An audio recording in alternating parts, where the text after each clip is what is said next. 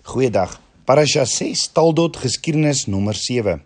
Ons het gesien in Hebreërs 12 vers 15 tot 16 staan: Pas op dat niemand in die genade van God veragter nie, dat geen wortel van bitterheid opskiet en onrus verwek en baie hierdeur besoedel word nie. Laat niemand 'n hoereder wees nie of 'n onheilige soos Esau wat vir een spysgereg sy geboortereg verkoop het. Jy sien hierdie eersgeboortereg was fenomenaal in die Bybelse tyd. Die eersgeborene het baie voordele gekry wat die ander nie het nie. Ingestel deur Abba Vader, maar jy het byvoorbeeld twee keer soveel erfdeel ontvang as die ander. Buite die finansiële voordele wat die eersgeborene gekry het, was daar ook baie eer en seëninge daar rondom, maar Esau gee dit op vir een kooksel. En baie van ons sal dink maar maar ek sal nooit my eersgeborene reg opgegee het vir kos nie. Of dalk sê jy Ek is nie eers eersgebore nie, maar hoor gou-gou. Wat van enige vleeslike aptyd? Hoeveel mense gee nie Abba Vader se droom vir 'n lewe op vir een kortstondige plesiertjie of bevrediging nie? Hoe baie gee ons nie ons huwelik, ons familie, ons kinders op vir een kortstondige plesiertjie nie? Jy sien sonde vat ons altyd verder as wat jy wil gaan. Dit kos ons altyd meer as ons wat wat ons wou betaal het. Dit verwag ook altyd meer as wat jy wou gee. Nou Romeine 8 sê Yeshua was die eersgeborene en het vir my en jou ook die eersgeborene kom maak want Yeshua is die eersgeborene van baie. So ek en jy het ook die regte en die voordele van 'n eersgeborene van ons Abba wat alles geskaap het. En wat sonde doen is dit veroorsaak dat ons dit wil opgee. En daarom is verskeie plekke in Abba Vader se woord, sal Abba Vader se vir sy volk sê, as julle hierdie vyande aanval, maak hulle almal dood. Let wel, Abba Vader het hierdie nasie iets eers 'n kans gegee om hulle self te bekeer en terug te draai na hom toe, maar hulle het hulle rug op hom gedraai en hom nie eers erken nie en gesê ons aanvaar u nie en hulle het net aangegaan en ander gode aanbid. En daarom het Abba Vader hulle oorgegee onder andere aan Joshua hulle en Saul hulle. En ons het gesien Abba Vader het vir Saul Jakob se nageslag gesê in 1 Samuel 15 vers 3: "Gaan nou en verslaan Amalek, Esau se kleinkinders en nageslag, en jy moet hulle met die banvloek tref alles wat hy het, en jy mag hom nie verskoon nie, want jy moet jy moet jy moet om die jy moet hom om die lewe bring. Man sowel as vrou kind en suigeling bees en kleinvee kameel en esel. So Saul moes al die amalekiete gaan verslaan. Maar Saul het dit nie gedoen nie. So wat het met Saul gebeur omdat hy Abba Vader nie gehoorsaam was nie? Abba Vader se teenwoordigheid het Saul verlaat.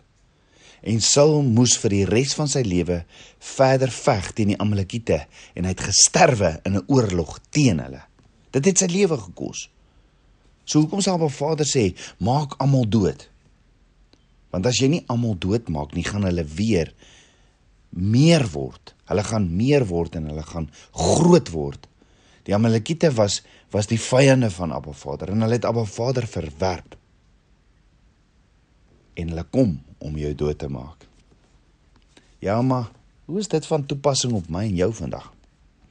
Wel Paulus sê in 1 Korintiërs 10 vers 11, maar al hierdie dinge het hulle oorgekom as voorbeelde en is opgeskrywe as waarskuwing aan ons op wie die einde is van die eeue gekom het. Met ander woorde, alles wat na Abba Vader se woord opgeskrywe is, is waarskuwings vir ons en sondes waarmee ons nie afhandel nie. Hierdie sondes waarmee ons nie afhandel nie, word stilletjies meer en dit groei. Dit word soos klein jakkalsies. So hoekom sê ek hierdie? Ons dink ja, maar ek het nie groot sonde in my lewe nie. Ek het net hier en daar 'n paar klein sonnetjies, klein jakkalsies in my lewe. Hierdie klein sonnetjies, hierdie klein jakkalsies groei en hulle word groot. En as jy hulle nie doodmaak in jou lewe nie, gaan hulle terugkom en jou kom doodmaak. Hoor gou-gou, Yeshua vertel in Lukas 15 vers 13 Die verlore seun het toe sy eiendom verkoos deur losbandig te lewe. Nou losbandig in die Engelse Bybel of prodigal living wat beteken dis 'n persoon wat selfbeheersing ontbreek. Met ander woorde, die verlore seun het selfbeheersing ontbreek en losbandig uit verbond gaan leef.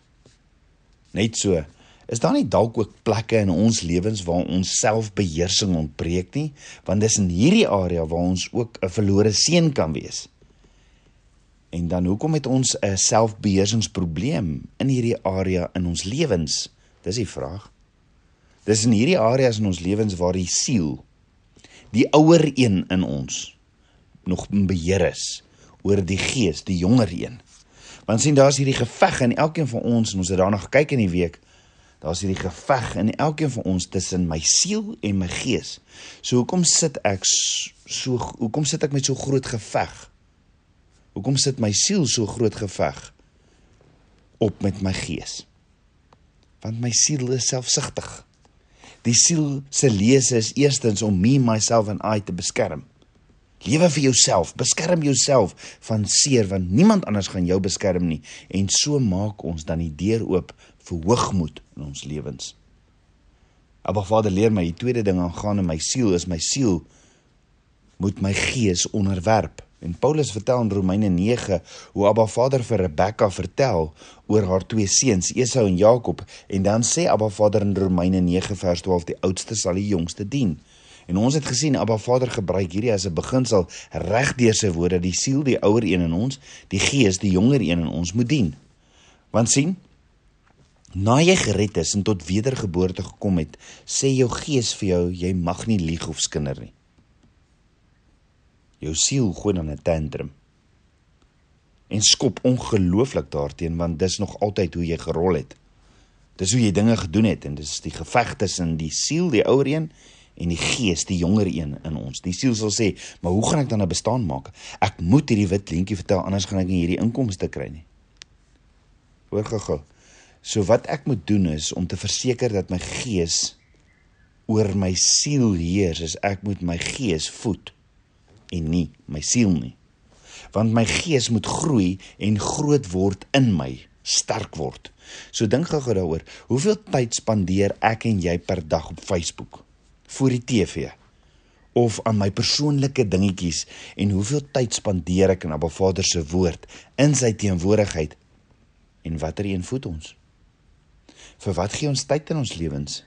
Wat het meeste prioriteit? Ja, maak ek dalk sê jy ja, maar ek het nie tyd nie. Regtig? Onthou tyd is 'n geskenk van Abba Vader. En ek en jy kry elke dag 86400 sekondes elke dag. Hoeveel daarvan is 'n geskenk van Abba Vader? Moet ons nie 10% daarvan vir hom teruggee nie? Jy sien as jy meer tyd op Facebook, voor die TV en aan jou persoonlike dinge spandeer as in Abba Vader se woord, voed jy meer jou siel as jou gees wat gaan beteken dat jy een of ander tyd gaan wegdwaal van Papa God af. Jy sien sonder dat ons weet daar's 'n geveg tussen jou siel en jou gees is die vraag watter een voed jy? Hoor wat sê Dawid oor hierdie geveg.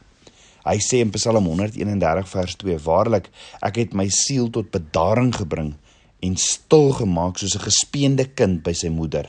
Soos 'n gespeende kind is my siel in my. So Dawid leer ons jy moet jy moet jou siel speen. Want dis wat hy gedoen het. Hy het sy hy het sy siel tot bedaring gebring en stil gemaak soos 'n gespeende kind. Nou die enigste manier om jou siel stil en tot bedaring te bring is deur om jou siel te speen soos 'n gespeende kind by sy moeder. So hoe hou jy op om 'n baba of 'n kind te speen? Dink daaroor. Hoe hoe hou jy op om 'n baba of 'n kind te speen? Jy haal hom van melk af en sit hom op vaste kos. En dan sê Paulus in 1 Korintiërs 3 vers 1 tot 3 en ek broeders kon met julle nie spreek soos met geestelike mense nie, maar soos met vleeslike, soos met klein kinders in Christus. Ek het julle met melk gevoed, nie met vaste spys nie, want julle was nog nie daartoe in staat nie en julle is nog nie daartoe in staat nie. Omdat julle nog vleeslik is want aangesien daar onder julle jaloersheid en twis en tweedrag is is julle die vleeslike nie is julle nie vleeslik nie en wandel julle nie na die mens nie En dan sê Hebreërs 5 vers 12 tot 14, want hoewel julle vanweë die tyd leraars behoort te wees, het julle weer nodig dat 'n mens julle die eerste beginsels van die woord van God moet leer en julle het weer behoefte aan melk en nie aan vaste spys nie. Want elkeen wat melk gebruik is onervare in die woord van geregtigheid omdat hy 'n kind is. Maar vaste spys is vir volwassenes, vir die wat geestes vermoëns besit deur die gewoonte geoefen om goed van kwaad te onderskei. So da Dawid sê ons moet ons siel speen. So wat gebeur as jy 'n baba wil speen? Die baba gooi 'n tantrum en skree. Net so weet jy wat gaan gebeur as jy jou siel speen of as jy nie meer vir jou siel melk gee nie. As jy nie meer vir hom voeding gee nie. Hy gooi 'n tantrum en hy skree. Hoekom? Die baba dink jy probeer hom doodmaak. So hoekom sal jou siel 'n tantrum gooi en skree as jy hom wil speen? Hy dink jy wil hom doodmaak. Want jy vat die voedselbron weg wat hy nog altyd geken het, melk. Dit wel in die geval van die siel wat gespeen word, is hy reg en dit bring ons by die derde punt, die siel moet doodgaan. Moet my siel doodgaan? Ja, my en jou selfsugtige gedagtes, hierdie eie ek, hierdie eie sinnigheid, hierdie Esau in ons het nodig om dood te gaan heeltemal soos wat Saul die Amalekiete totaal al met die banvloek moes getref het. Ons moet doodgaan aan onsself en hierdie eie sinnigheid. Hoe oorgegou hoeveel sin maak hierdie teksvers nou? Wat ons almal baie goed ken in Hebreërs 4 vers 12, want die woord van God is lewend en kragtig en skerper as enige tweesnydende swaard en dring deur tot die skeiding van siel en gees en van gewigte en murg en is 'n beoordelaar van die oorlegging en gedagtes van die hart. Hoor dan as ons verder lees vers 13. En daar is geen skepsel onsigbaar voor hom nie, maar alles is oop. Hoor gou weer, alles is oop en bloot voor die oë van hom met wie ons te doen het. Net gou-gou 'n verduideliking oor hierdie woordjie oop. Ons weet die woord van Abba Vader in vers 12 word genoem 'n swaard. Nou die woordjie oop in Grieks beteken to bend back the neck of a victim to be slain of to expose the gullet of a victim for killing. Met ander woorde die siel moet dood. En Abba Vader leer ons en sê vir ons moenie so reageer nie. Dis jou siel wat praat reageer soos Yeshua. Dis hoekom ek en jy as kinders van Abba Vader afdwaal want ons laat nie toe dat die swaard skei tussen ons siel en gees nie. O, ons vat soveel offense. Die die die die siel vat dan soveel ofens teen die swart teen die woord van God. En daarom moet net nie instruksies preek nie. En daarom sê Yeshua in Matteus 16 vers 24 tot 25: As iemand agter my aan wil kom, moet hy homself verloon en sy kruis opneem en my volg. Want elkeen wat sy lewe in Hebreëus siel wil red, sal dit verloor, maar elkeen wat sy lewe siel om my wil verloor, sal dit vind. En dan sê Yeshua ook in Lukas 9 vers 23: As iemand agter my aan wil kom, moet hy homself verloon en sy kruis elke dag opneem en my volg. Met ander woorde, Yeshua sê daagliks. Paulus sê in 1 Korintiërs 15 vers 31: Ek sterf dag vir dag. Soos Paulus dan gered elke dag? Nee, dit beteken hy het elke dag sy siel gekruisig. Hy het elke dag die tabernakel ingestap, by die brazen altaar gesit en sy siel gesê hier is my lewe. En dan by die waterbad gekom en sê Vader kom was my met die waterbad van die woord. Hy kom voor die kruis elke dag. Hy buig voor die kruis elke dag soos wat die priesters elke dag by die brazen altaar wat die brazen altaar verteenwoordig die kruis die lammetjies geoffer het. Paulus sê in Romeine 12 vers 1 tot 2: Ek vermaan julle dan broeders by die ontferming van God dat julle julle liggame stel as lewende en heilige en aan God welgevallige offer. Dit is julle redelike godsdiens. En word in hierdie wêreld gelykvormig nie, maar word verander deur die vernuwing van julle gemoed. So hoor gou, hoekom sal 'n kind van Abba Vader ooit sy teenwoordigheid wil verlaat? Hoekom sal 'n kind van Abba ooit Abba Vader se teenwoordigheid wil verlaat om in varkholke te gaan bly soos Esau? Weet jy hoekom? Want hy mediteer en bepeins nie Papa God se woord dag in en dag uit nie. Hy voed sy siel in plaas van sy gees. Deur Abba Vader se woord te lees, dit te mediteer en te hoor, groei ek in geloof. As my geloof groei, is ek gehoorsaam, dan sal ek Abba Vader Shema. En as ek gehoorsaam is, wandel ek saam met Abba Vader en dan sê my Abba, sal ek voorspoedig wees in alles wat ek doen. Kom ons bid saam. Abba Vader, koning van my hart, Vader, ek loof en prys U. Vader, ek wil U gehoorsaam, Shema, jy luister nou by. En ek wil my gees voed met U woord. Vader, vergewe my losbandige lewe, daar waar ek selfbeheersing ontbreek en kom was my met die waterbad van U woord. Vader, U woord is 'n lamp vir my voet en 'n lig vir my pad. U woord is my so soet soos heuning. Kom skryf met U vinger op my hart en leer my meer en meer van U karakter, U geheimenisse, U woord. Ek honger en dors vir meer en meer van U. Ek bid dit alles in Yeshua Messie se naam die seun van Jahweh. Shalom.